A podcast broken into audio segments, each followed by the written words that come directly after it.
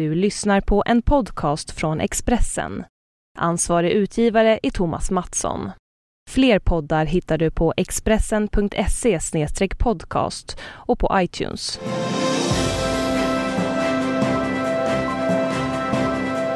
Du lyssnar på Expressen inifrån, en specialsändning av Primetime om det försvunna spökplanet. Programledare är Oskar Julander.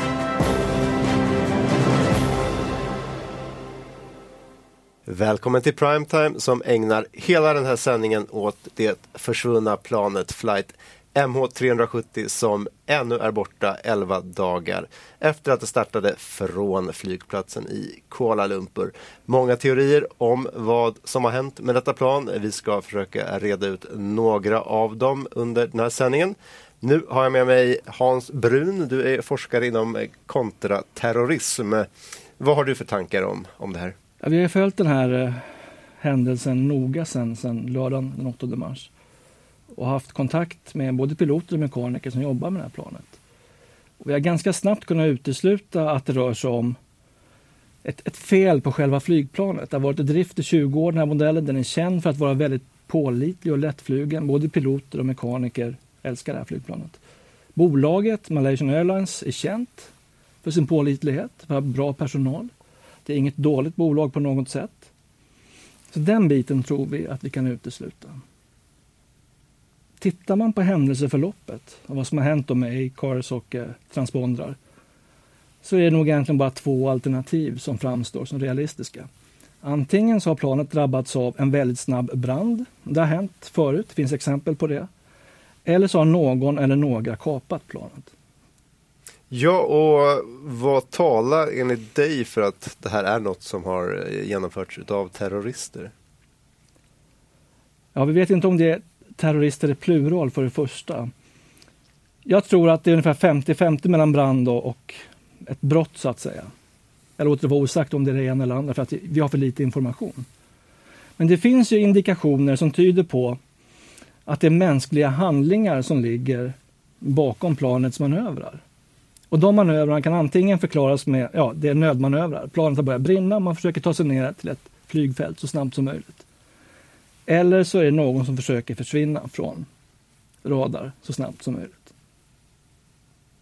Och de då som eventuellt då spekulationer givetvis, men eh, skulle kunna ha legat bakom detta är ju då någon av piloterna, eventuellt mm. båda. Vad, vad vet vi om dessa som, eh, som säger att de skulle vilja göra något sånt här? Vi vet egentligen ingenting.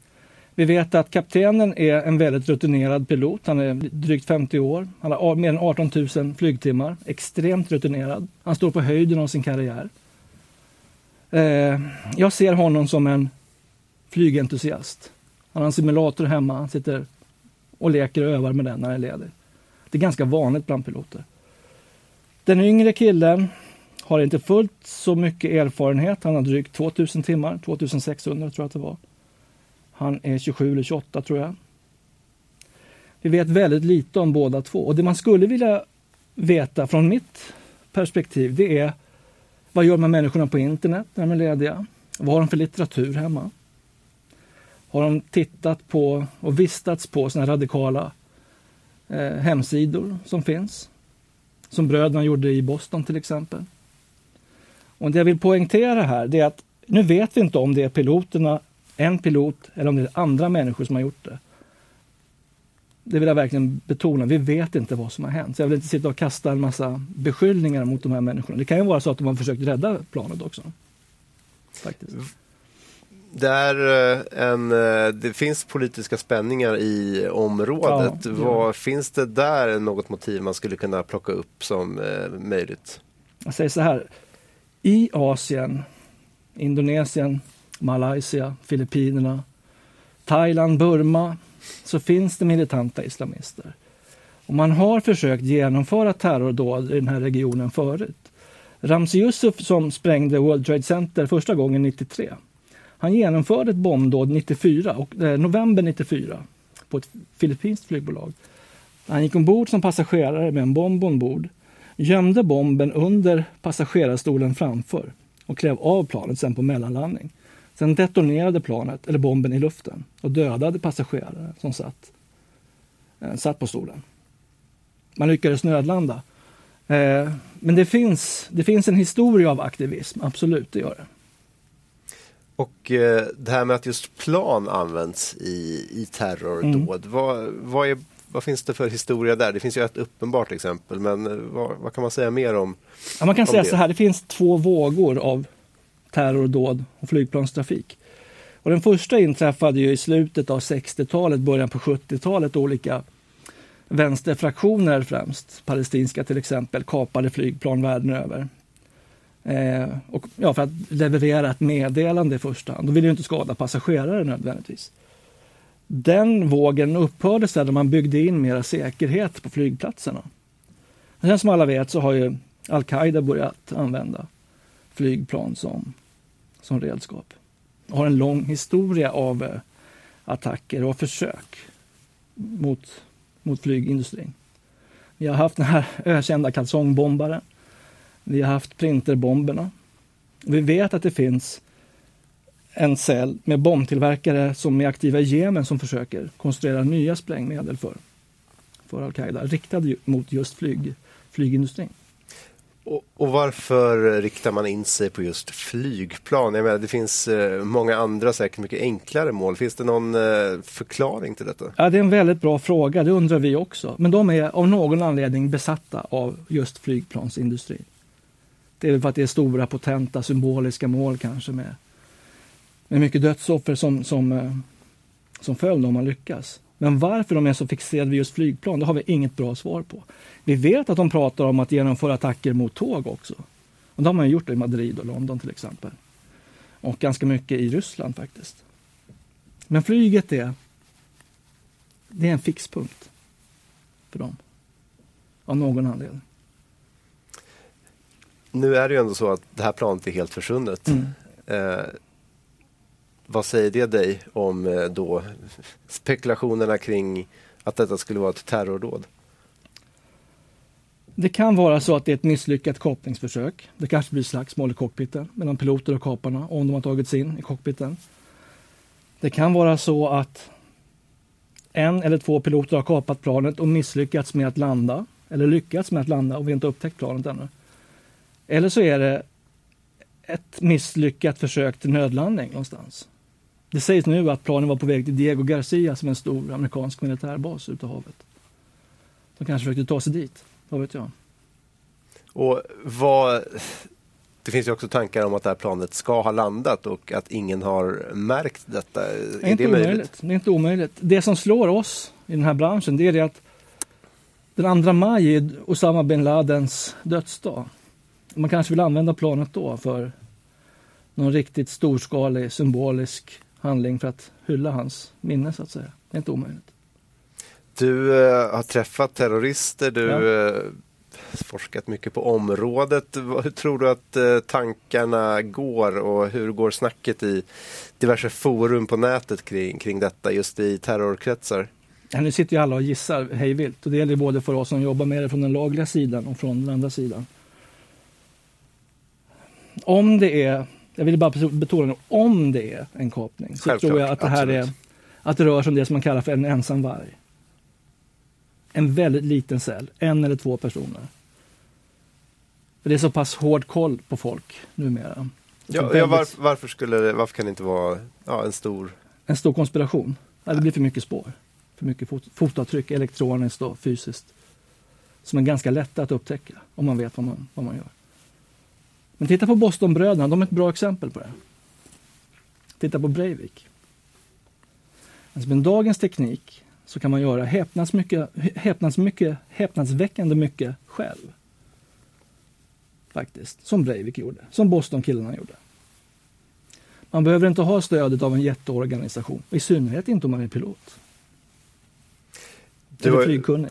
Du har uh, ju då också forskat på hur hur man ska bemöta eh, terrorvågor. Eh, vad, vad, tycker du? Hur har malaysiska myndigheter och andra skött detta? Ja, Malaysia är känt som ett förhållandevis stabilt land faktiskt. Det måste man säga. Det är ingen perfekt demokrati, det är det ju inte. Men, men det är med relativa mått sett hyfsat bra.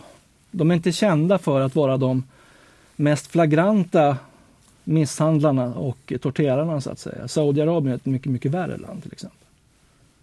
Så att jag kan inte säga på en gång att det är några misstag som har begåtts i Malaysia. Men det kan mycket väl vara så att någon eller några personer har bestämt sig för att göra det här av olika skäl. Alltså det som har hänt med det som man kallar för radikaliseringsprocessen, det är att den har förändrats totalt i och med internets tillkomst. Förr i tiden, om man tittar på IRAs verksamhet under 60, 70, 80 och 90-talet, så var det ju så att det var ju ingen som åkte från Sverige eller Tyskland eller Frankrike för att slåss med IRA mot engelsmännen. De som gjorde det var irländare från Nord, från Nordirland och från Irland och vissa enstaka amerikaner med, med irländska rötter. Ingen annan. Tittar vi på konflikten i Syrien idag så ser vi hur den här konflikten drar till sig ungdomar från hela världen. Som sitter och suger i sig propaganda som skräddarsys för det ändamålet på internet. Och det är ett jätteproblem. Breivik, samma sak där. Sög i sig en massa högerextrem propaganda och skapade en världsbild som är väldigt, väldigt sjuk.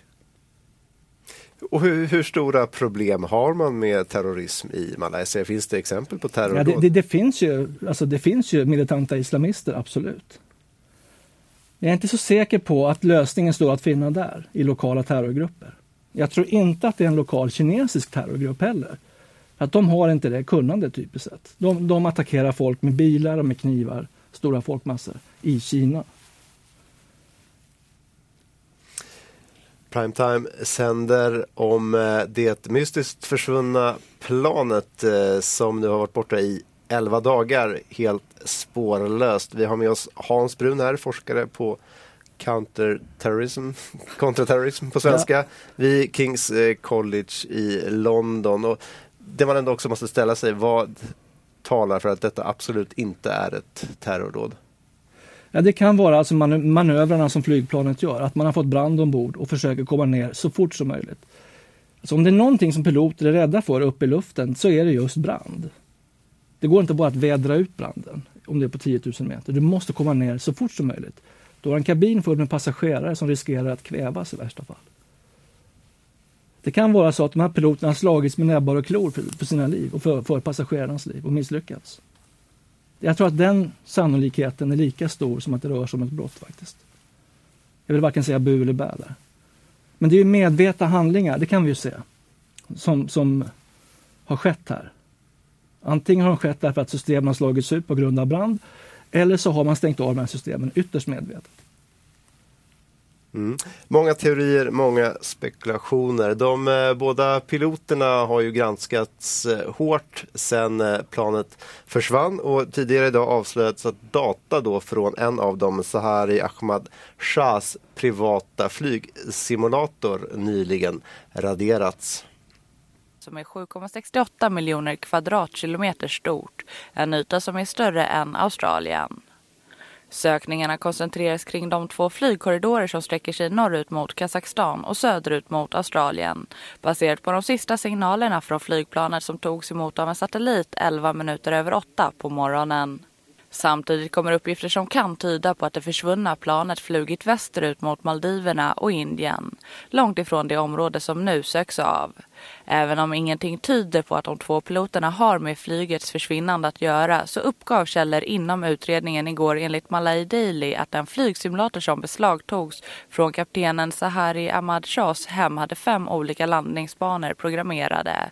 På Maldiverna, i Indien och Sri Lanka och en på en amerikansk militärbas i Diego Garcia. Och på tisdagen kom även uppgifter om att invånare på en ö i Maldiverna sett ett lågt flygande flygplan enligt nyhetssajten Haveru. Polisen på Maldiverna uppger att de nu utreder uppgifterna som är 7,68 miljoner kvadratkilometer stor.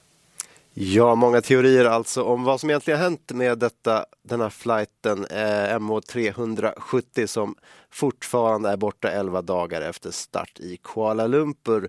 Nu ska vi över till Mikael Töpfer, vår utsända i Asien. Välkommen till Primetime, Mikael. Tack för det. Du, eh, vad är senaste nytt om sökarbetet? Eh, senaste nytt från sökarbetet eh, eh, ja, det är inte så mycket nytt. Den fortsätter att söka, Man koordinerar med länderna i regionen, med Indien, med Australien. Man har delat upp stora havsområden i, i avgränsat dem och kommit överens om att här ska Australien söka, här ska Indonesien söka, här ska Indien söka och så vidare. Eh, så vitt jag förstår så kommer också nya typer av flygplan, bland annat från USA, som kan söka av stora områden. Trots detta så räknar man att det här kommer ta väldigt mycket tid därför att det är enorma eh, areor som ska sökas av. Jag såg ett uttalande från australiska flottan att eh, deras område beräknar man kommer ta upp till tre veckor att söka av. Så att, det är väl ungefär där vi är nu. Eh, annars det senaste är att det har varit tumultartat idag i Kuala Lumpur eh, i den lokal där regeringen håller sina presskonferenser. Ett antal kinesiska anhöriga till eh, passagerarna ombord på planet hade sökt sig dit och ville tala med utländska eh, journalister och detta slutade ganska tumultartat när eh, vakter försökte hindra de här anhöriga från att, att prata. Eh, och det, det, blev lite handgemäng där på platsen. Och eh, det har väl lett till att kritiken mot hur Malaysia har hanterat den här affären, den här olyckan eller katastrofen, det försvunna planet. Eh, den kritiken ökar ständigt och det känns väl som att Malaysia egentligen inte har gjort någonting rätt från början för att på något sätt eh, eh, bringa klarhet eller för att hålla kritiken borta. Mikael, du befinner dig själv i Thailand och det finns ju en teori som eh, säger att planet kan finnas just i Thailand. Hur har thailändska myndigheter eh, reagerat på det här? Jag kan väl säga så här att här är man ju väldigt chockad över uppgiften som kom igår, alltså tio dagar efter att det här flygplanet försvann, att thailändsk militär faktiskt tror de hade det här planet på sina radarskärmar i södra Thailand. Det finns ett antal Eh, radarstationer eh, ner mot gränsen i södra Thailand eh, mot Malaysia. Och där man säger nu då eller efter tio dagar att vi såg någon liten blipp på skärmen som vi nu i efterhand tror kan ha varit det här planet. Och här undrar man nu hur kan det ha tagit tio dagar för thailändska militären att, att berätta denna ganska viktiga uppgift. Eh, eh, militären säger då å sin sida att eh, planet aldrig var inne på Thailands territorium så att därför så brydde vi oss aldrig om detta utan det var först när vi gick tillbaks och tittade på våra inspelade datauppgifter som vi såg det här och ja, det är det svaret man har, har gett. Nej, jag har inte sett någon seriös kommentator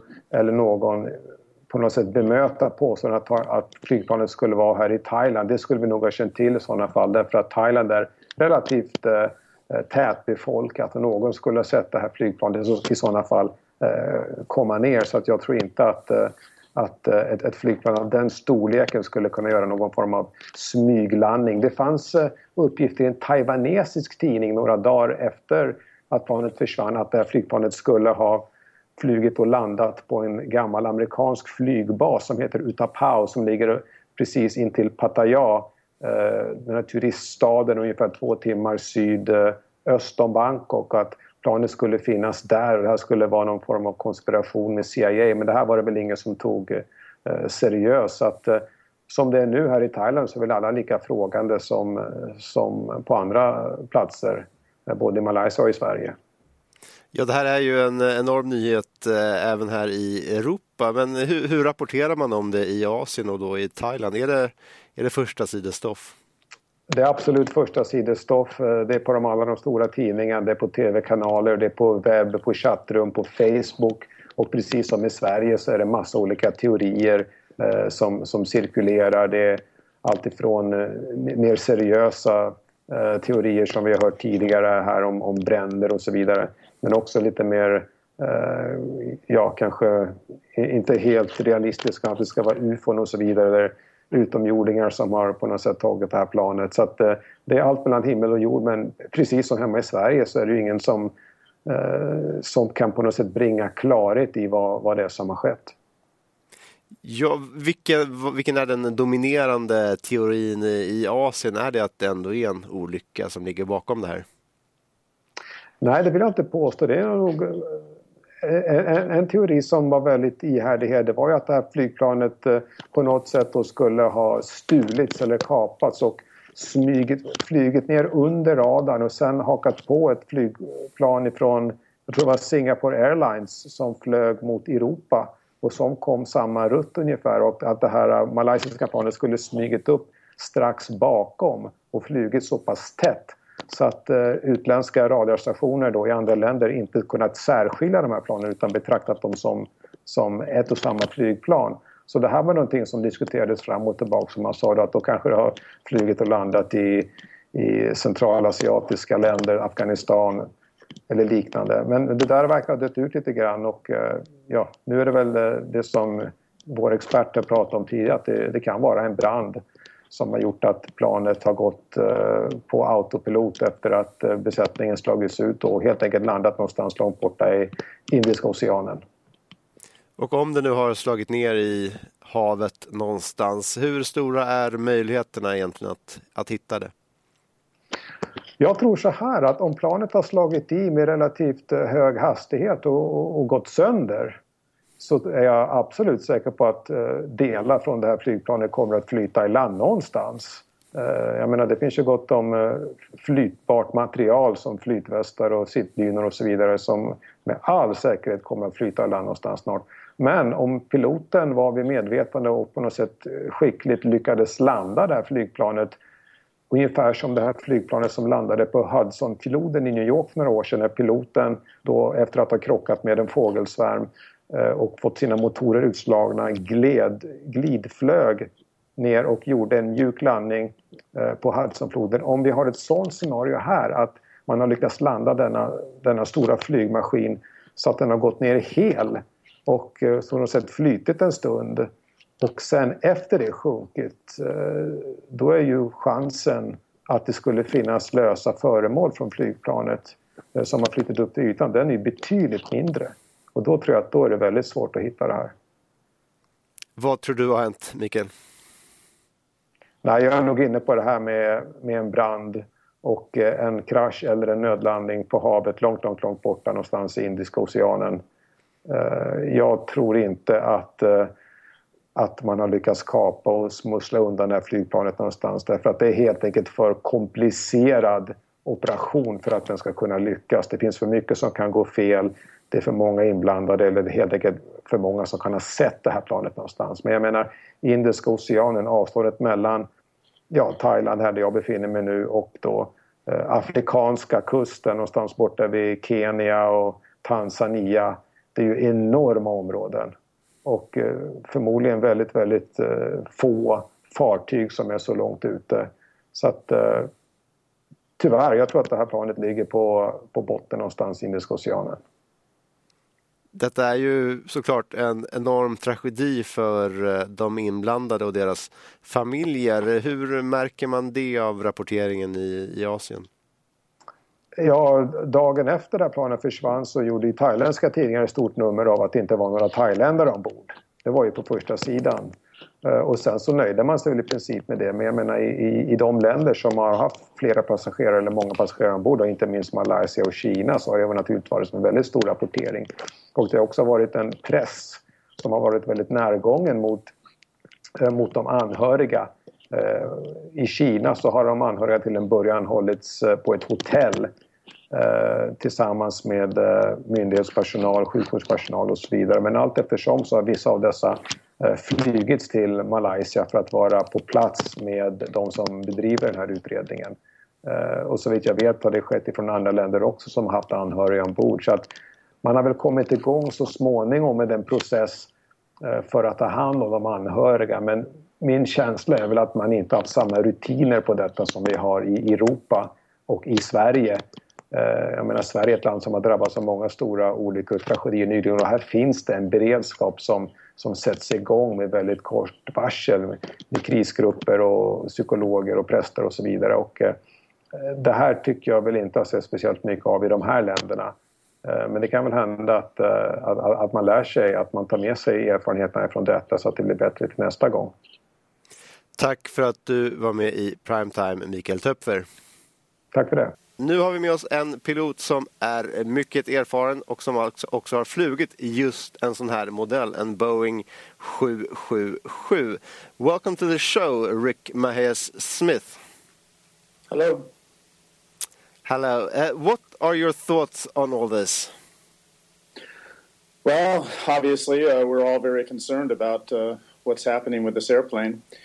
Um, my initial thoughts, even before the media started talking about it, was that the act had to have been performed by one of the pilots or by someone who had uh, extensive knowledge on how the uh, triple seven works, What, and uh, the only only the pilots would know how to do what things were done in order to uh, make this plane do what it was doing.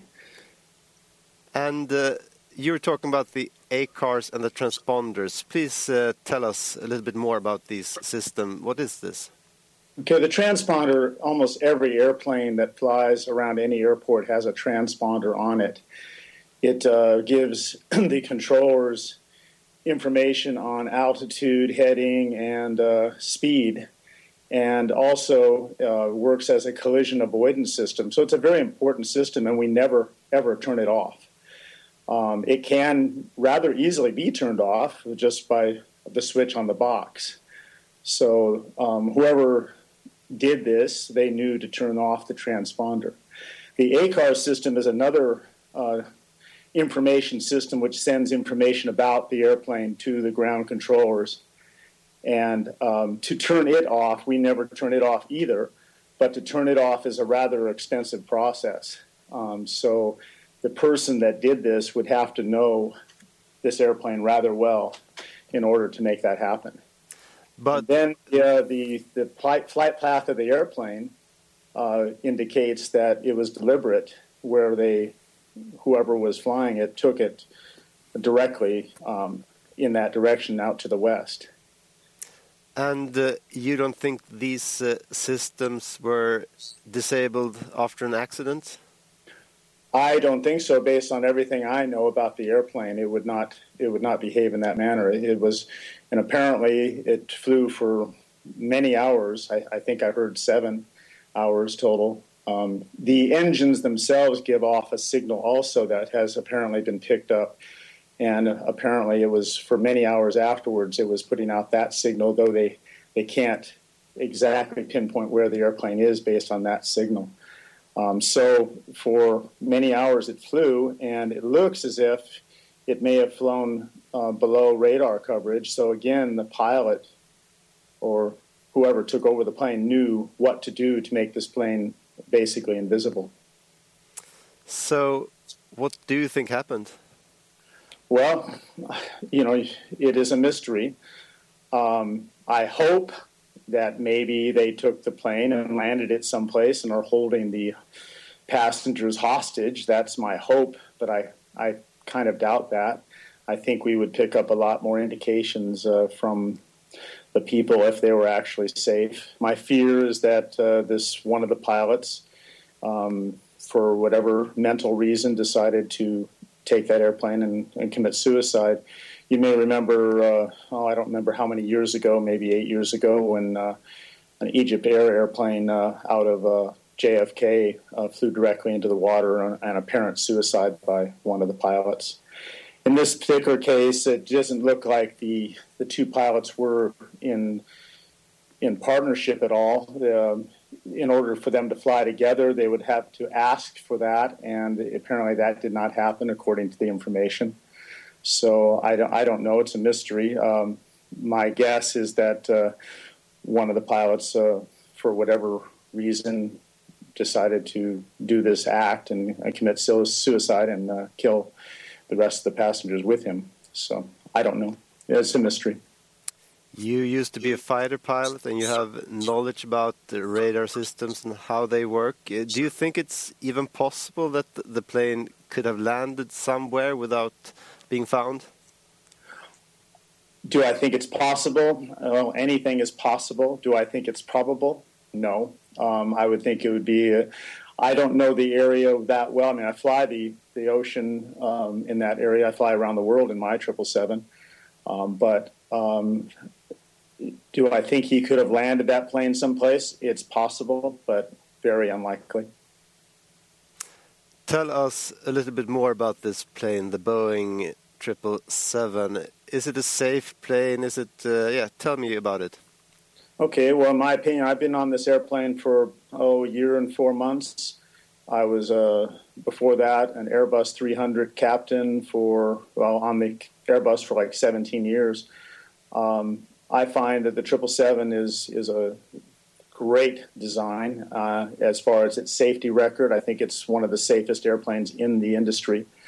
Um, everything about it is designed perfectly, and uh, like I said, I, I, would be absolutely amazed if there was something mechanically that went wrong with this airplane. Has there ever been accidents with this plane? Uh, there have been a couple. Uh, well, you know, recently you might remember the I think it was Asiana that uh, flew short, landed short of the runway in San Francisco. That was the, I think that was the first accident of a triple seven with a fatality. I think, um, and I think the only three uh, people were, were killed on that. And I was very very lucky. And you know, I don't want to surmise what happened, but it, it was it looked like it was a pilot error situation there was nothing wrong with that airplane. But uh, the, the, the, pilots on board, uh, due to fatigue or whatever, uh, looks like they had problems and, and put it short of the runway in San Francisco. But as far as the overall safety record of the 777, I think it may be the best in the industry, the best of any airplane ever. So. And talking with fellow pilots, uh, what do you say? Well, we, are of course, being that it's the same airplane that we fly, um, we talk a lot about this situation, and, and just like you, it's it's a mystery, and you know it may. I hope we find out in an hour from now, but uh, this may be a mystery that goes for a long time. If he, if whatever happened to the plane, if it's out in the middle of the Indian Ocean someplace, it's well, they said it would be like looking for uh, one person in all of the United States, you know, trying to find uh, we call it a needle in the haystack. Um, very difficult. And hopefully we'll luck out and we'll find out and we'll get the uh, boxes back and we'll be able to ascertain what has happened. But my opinion is it may be a while. And it's a mystery. Say uh, that the plane was hijacked. How hard is it to learn how to operate uh, these systems, the transponders and the ACARs?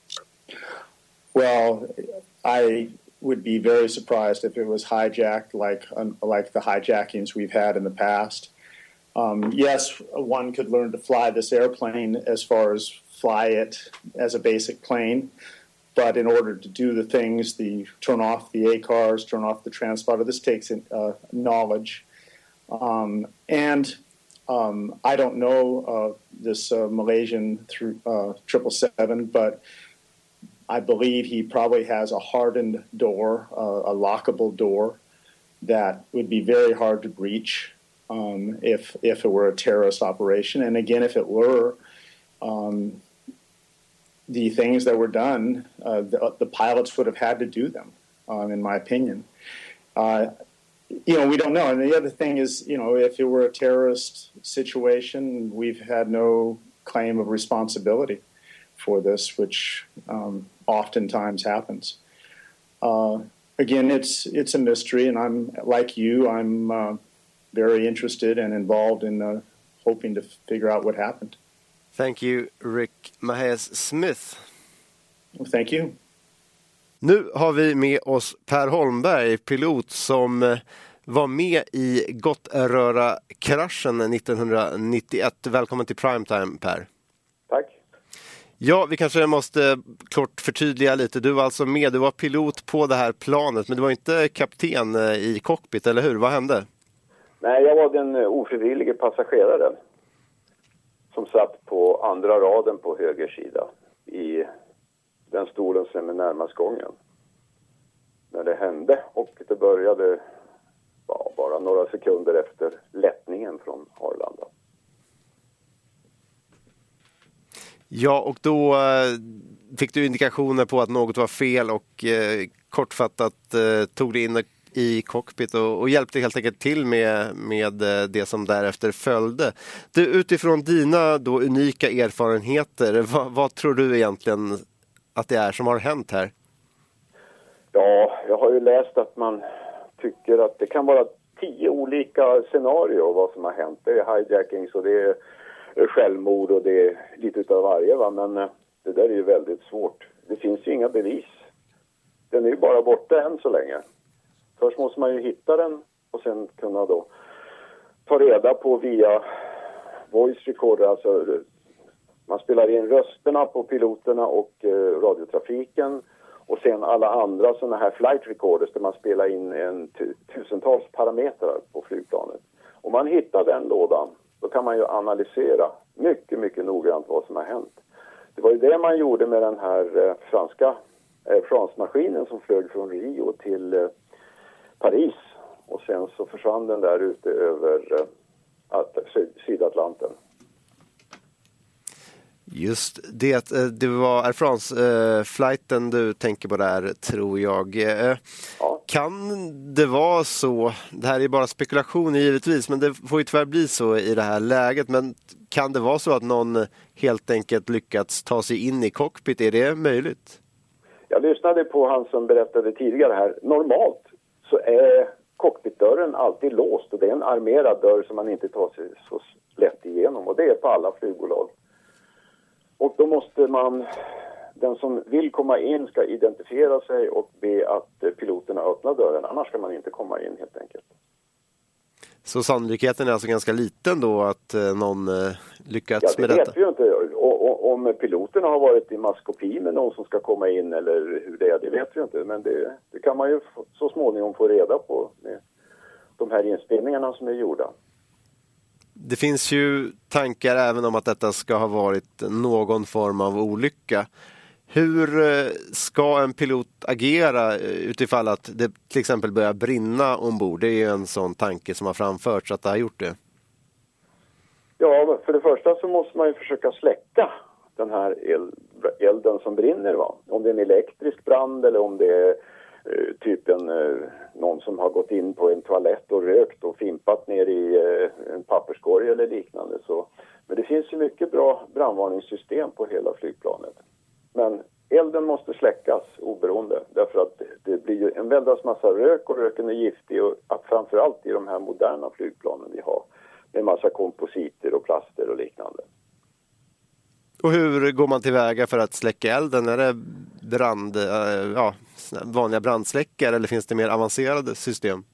Eh, I luftrummen på flygplanen idag så finns det avancerade släckningssystem som utlöser sig själva helt enkelt. När det blir, först blir det en brandvarning och så sen så utlöses det släckning av det.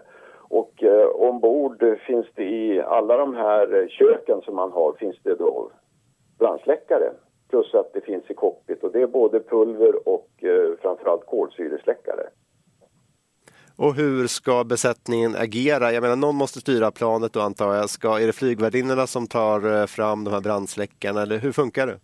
Ja, i kabinen där är det alltså kabinpersonalen som är utbildad på att släcka brand i galley och på, i stolar och på toaletter och liknande. Men just i cockpit då är det ju piloterna. Det måste ju alltid sitta en pilot, minst en pilot i, i pilotstolarna.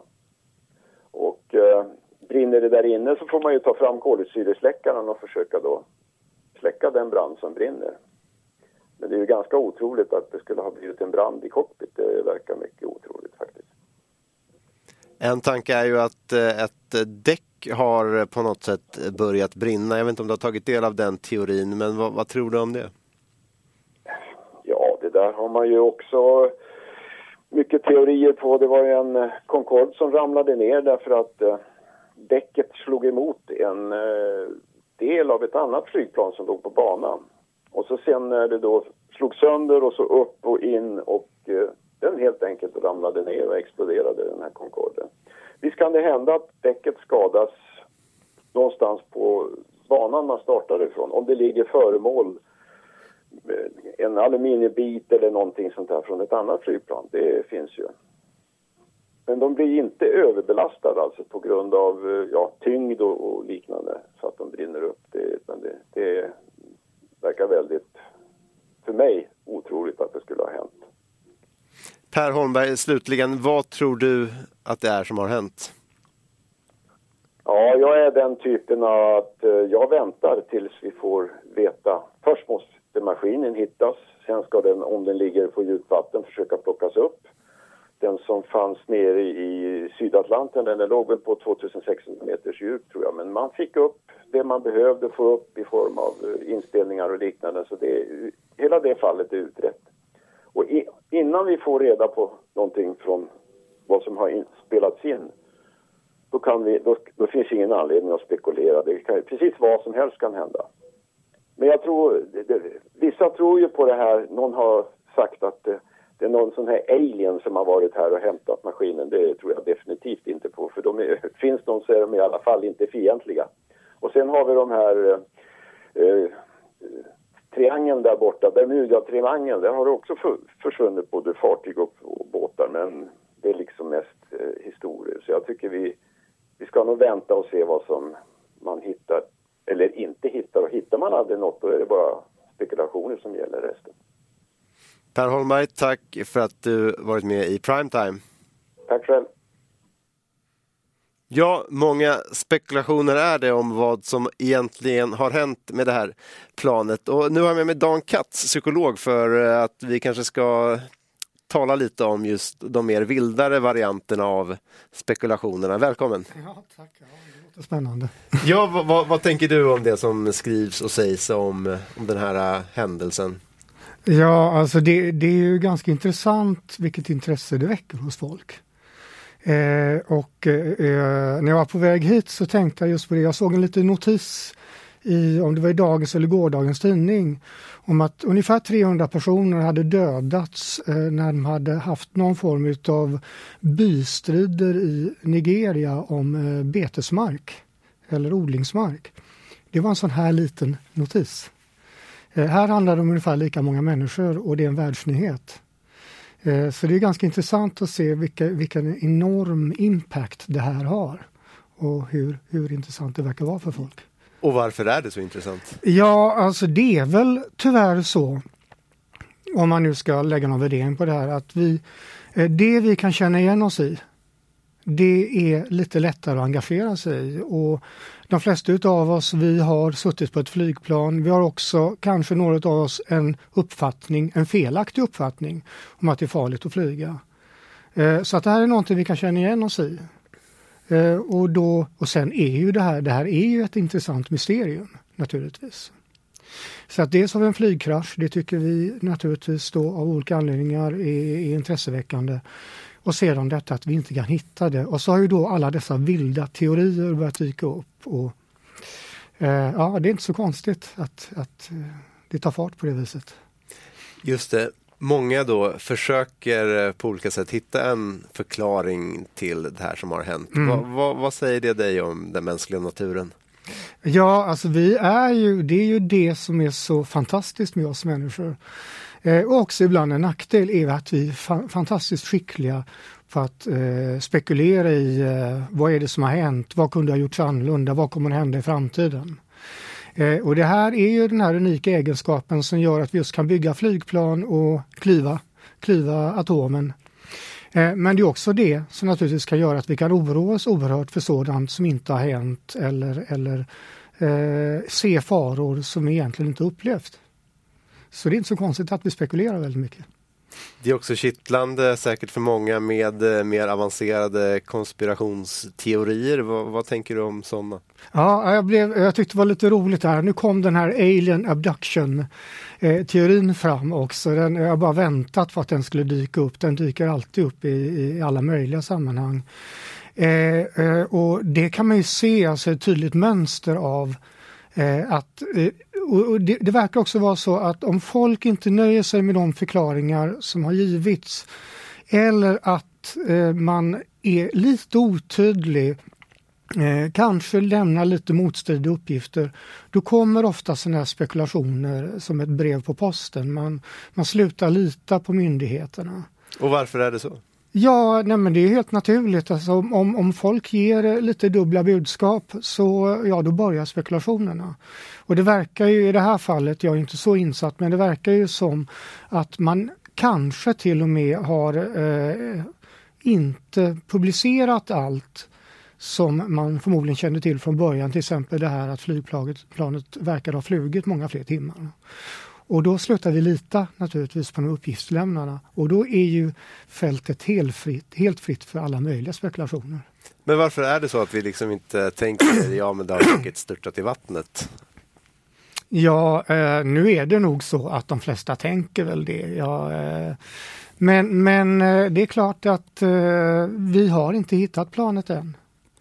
Eh, och eh, det är kanske också en liten tröstetanke i detta att vi någonstans hoppas att alla de här människorna lever någonstans.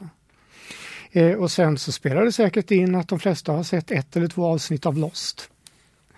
Så det, det påverkas av eh, populärkulturen? Och... Ja, enormt mycket.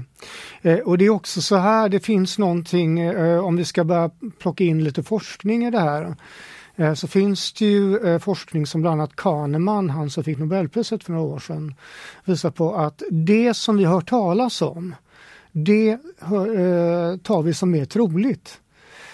Och det är inte säkert att vårt nervsystem, vår hjärna kan skilja mellan fiction och fact där. Så att eftersom många har sett Lost så eh, är det inte svårt för många att då kanske associera till exempel det. Till, till, till exempel det. Eh, och, och, säkert har man sett en annan science fiction eh, film också som möjligen kan få folk att associera till det. Men vi har en tendens att överdriva sannolikheten för det som vi nyligen har hört talas om eller som vi, vi på något sätt har blivit berörda av. Varför är vi det? Ja, varför? Det kan vi spekulera i. Men vi vet att det är på det viset. Du, eh, det är ju samtidigt en stor, stor tragedi det här för de mm. anhöriga som då det spekuleras kring. Vad, vad, betyder det för dem att vi inte har någon förklaring än? Jag tror det är ganska, jag tror det är fruktansvärt för dem. Att inte veta, att inte få påbörja det här sorgearbetet. Eh, för många människor så kan det faktiskt vara jobbigare att leva i ovisshet än att få höra en väldigt tråkig nyhet. Eh, och de kastas förmodligen då mellan hopp och förtvivlan och de om några hoppas väl naturligtvis på en del av de här lite mer fantasifulla teorierna som ett eh, sista halmstrå. Så att det, det måste vara ja, fruktansvärt för de här hur ska de eh, människorna stöttas? Vad, vad, ska man säga till en sån person? Ja, alltså I det här läget så pågår ju faktiskt traumat redan nu. Men eh, forskning har visat att det viktigaste när folk utsätts för någonting sånt här obehagligt, att man råkar ut för en katastrof eller eh, nära anhöriga råkar ut för en katastrof, eh, de behöver inte oss psykologer. De behöver framförallt sina anhöriga, de behöver sina vänner. Det som är det allra bästa för de här människorna är att få vara med människor som står dem nära, som är beredda att lyssna men som också kan på något sätt hålla dem kvar i någon vardag. Så eh, de behöver inte psykologer i det här läget. Hur ska de eh, hantera eh, det ifall att det är så att vi inte får någon förklaring? Hur, hur hanterar man en sån situation? Ja. Jag önskar att jag hade ett bra svar på det. Eh, någonstans får de till slut nå en acceptans. Har man inte hört något på några veckor, någon månad, eh, ja då får man med största sannolikhet förlika sig vid att, att eh, ja, det har slutat på ett väldigt tråkigt sätt. Eh, och då kan man ju tänka sig att många av de här spekulationsteorierna kan göra sorgeprocessen svårare för dem. Varför det? Därför att de, de eh, vet inte vad de ska förhålla sig till. De vet inte om de ska bestämma sig för nu är mitt barn dött, nu är min make död, nu är min hustru död. Eh, utan det är fortfarande ovisshet. Alltså, någonstans måste man först acceptera faktum och sen lära sig att förhålla sig till den sorgen. På det här viset det blir det som en eh, långt utdragen tortyr, skulle jag kunna tänka mig. Hur påverkar det en människa att leva under sådana förhållanden, sådana omständigheter? Ja, det, det är ganska lätt att förstå att det är inte, det är inte lätt. Eh, och som sagt, ovisshet kan vara nästan mer plågsamt än att få veta att det har hänt någonting riktigt hemskt. Och det, det finns, så. ska man eh, ja, försöka hitta en förklaring och hålla sig vid den eller vad, vad tänker du? Ja, så gott det går. Man kanske också får förlika sig vid tanken att jag kommer aldrig få veta vad som hände. Om det hjälper att man bestämmer sig för en förklaring så är det bra. Eh, men det, det, är också så att vi har alltså en tendens att vilja få en förklaring. Eh, därför att eh, vi har lärt oss tidigare att om man får en förklaring så kanske man kan lösa problemet. Men i det här fallet så går det inte att lösa problemet. De här människorna är då med största sannolikhet döda. Eh, och att försöka få en förklaring förändrar inte det faktumet. Så att, eh, jag skulle vilja säga att eh, då kan man närma sig någon form av kanske inte särskilt nyttigt grubbel i det fallet. Man söker en förklaring därför att det har hjälpt en i andra sammanhang att söka förklaringar, men i det här fallet hjälper det inte. En svår situation för de anhöriga och eh, sökandet fortsätter efter det här planet. Primetime ägnar hela den här sändningen åt flight MH370 som fortfarande är borta 11 dagar efter start. Som sagt, det finns många teorier om vad som egentligen har hänt. Eh, radarspåret har varit eh, högst omdiskuterat och nu har vi med oss Lars Ulander vid FOI som är expert på det här med radar. Välkommen till Primetime Lars! Ja, hej! Du eh, har följt rapporteringen här antar jag. Vad, vad, säger du? Eh, vad ska man säga om de här uppgifterna om var planet har befunnit sig och, eh, och så vidare? Ja, man kan ju börja med att konstatera att eh, det hela är ganska märkligt eh, att ett plan eh, av den här storleks ordningen bara försvinner eh, så att säga, från luftbevakningsradarsystemen. Eh, det är ju ingenting som, som sker utan vidare. Eh, och man måste så att säga vara ganska kunnig för att kunna försvinna på det, på det här viset. Och jag, jag, jag har ju läst en del om att det funnits uppgifter om att man har gått ner på höjd till exempel för att, för att undvika täckning av eh, de vanliga radarsystemen och det är ju ett effektivt sätt eh, om man vill göra det. Ja, är det alltså... Så, normal radar den täcker ju så att säga på, på långa avstånd men det förutsätter ju att eh, man, man ligger på höjd. Går man ner då, då, då minskar räckvidden ordentligt. Ja, är det alltså möjligt för ett plan av den här storleken att bara försvinna? Ja, eh, man måste ju veta lite grann hur, hur det normalt sett funkar. Och eh, vanlig eh, luftbevakning, eh, civil luftbevakning bygger ju på så kallad sekundärradar och det är ingen riktig radar så tillvida att det är inget radareko man följer utan man, man har en signal som, som aktiverar en transponder och när transpondern svarar så säga, tillbaka till sekundärradarn att här finns jag på den här positionen och på den här höjden. Och den där har de ju bevisligen stängt av sekundärradarn. Eh, och eh, då, då, då, försvinner man så att säga ifrån de vanliga civila eh, luftbevakningsradarsystemen. Men däremot så eh, har man en riktig luftbevakningsradar aktiv i området då, eh, då kommer ju eh, planet fortfarande att synas på den för där skickar man ut en, en radarpuls och, och tar emot ett radareko. Så där försvinner man inte utan vidare. Det går liksom inte att stänga av från, radarn, eller från, från planets sida då, utan vad man måste göra då är att man, man måste försvinna ner i en, i en eh, säg, terrängmask eh, genom att gå ner på höjd. Eh, och ligger man tillräckligt långt bort då, så kommer man så att säga, försvinna även från prim primärradarn. Och det verkar ju som att de har gjort det. Vilken höjd är det vi talar om? Ja, eh, säg så här. På 10 kilometers höjd eh, där man normalt sett ligger, och då, då har ju de här primärradarsystemen täckning ut till ja, minst 400 kilometer. Där någonstans ligger radarhorisonten. då. Men går man ner, eh, går man ner på 2 kilometer då, eh, då, då, då minskar räckvidden till, till, horisonten under 2, eh, 200 kilometer. Så då, då, kan man försvinna så att säga, efter en ganska kort tid. Eh, och jag tittar just på avstånden eh, me, me, mellan eh, de här eh, olika områdena. Man, man, man, ser ju att då har de i alla fall en möjlighet att försvinna ifrån primärradarn också. Då. Kan du förklara det där lite närmre? Man kan alltså försvinna efter 200 kilometer. Vad, vad menar du med det?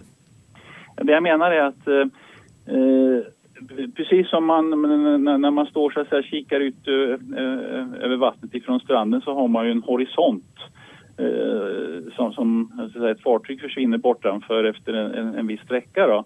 Så det, det, gäller ju även en, en radar eh, som, som ligger och spanar mot, mot uh, utöver vattnet. Då. Och eh, eh, den där horisonten den ligger på olika avstånd beroende på hur, hur högt eh, flygplanet i det här fallet flyger på. Då. Så, eh Eh, ligger man på 10 kilometer då, då har man eh, så fri, eh, fri horisont ut till 4, 400 kilometers avstånd. Sen försvinner även ett, ett flygplan på den höjden. Då. Men går man ner i höjd då försvinner man ju mycket fortare. Det är ungefär som att man har ett så fartyg som går som, som, som försvinner bortanför horisonten. Är det ett, ett mindre fartyg så försvinner det lite tidigare då än ett, ett större fartyg som, som är högre. Då. Och det är samma sak med, med ett flygplan. Då. Så då kan man alltså gå ner i höjd och på det viset försvinna. Tror du att eh, den här eh, incidenten på något sätt kommer förändra eh, radarupplägget och, och annat?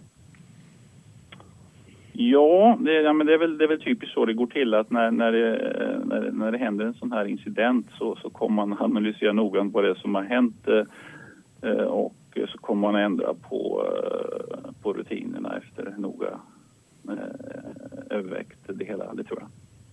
Vad skulle kunna göras?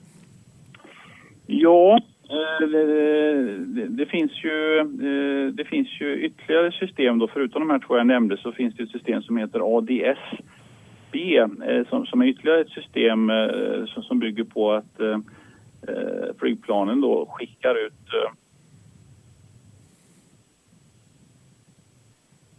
Där fick vi problem med telefonlinjen med Lars Ulander på FOI Primetime ägnar alltså hela den här sändningen åt det försvunna planet och vi har gått igenom några av alla de teorier som finns kring vad som har hänt med det här planet och dess passagerare och besättning. Ska se om vi kan få tillbaks kontakten med Lars Ulander vid FOI som alltså är expert på det här med radar och vi fick ju höra att det går att eh, lämna radarn. Nu har vi med oss Lars igen. Du försvann där ett tag från oss. Eh, fortsätt där du var. Ja, eh, det finns som sagt ytterligare system eh, som, som är på, på ingång. Ett som heter ADS-B då, som, som bygger på en annan princip att man istället skickar ut eh, att flygplanen skickar ut information om position eh, eh till alla eh, runt omkringliggande eh, flygplan eh, och eh, om, man kan introducera det här systemet utan att det går att släcka ner så enkelt då så, skulle man kunna eh, upprätthålla kontakten bättre tror jag eh, i framtiden. En annan konsekvens kan ju vara att man man börjar gå tillbaks till även primärradar eh, när det gäller civil eh, luftbevakning. Tack eh, Lars Ulander vid FOI för att du var med i Primetime. Ja, tack. Primetime har alltså sänt om det försvunna planet flight MH370 som nu har varit borta i 11 dagar utan att påträffats. Eh, många teorier om vad som har hänt med planet och vi har som sagt gått igenom några av dem. Expressen kommer att fortsätta att följa den här händelsen givetvis på sajten här i Expressen TV och i tidningen. Eh, vi är strax tillbaka med mer om detta. Du har lyssnat på en podcast från Expressen. Ansvarig utgivare är Thomas Mattsson. Fler poddar hittar du på expressen.se podcast och på iTunes.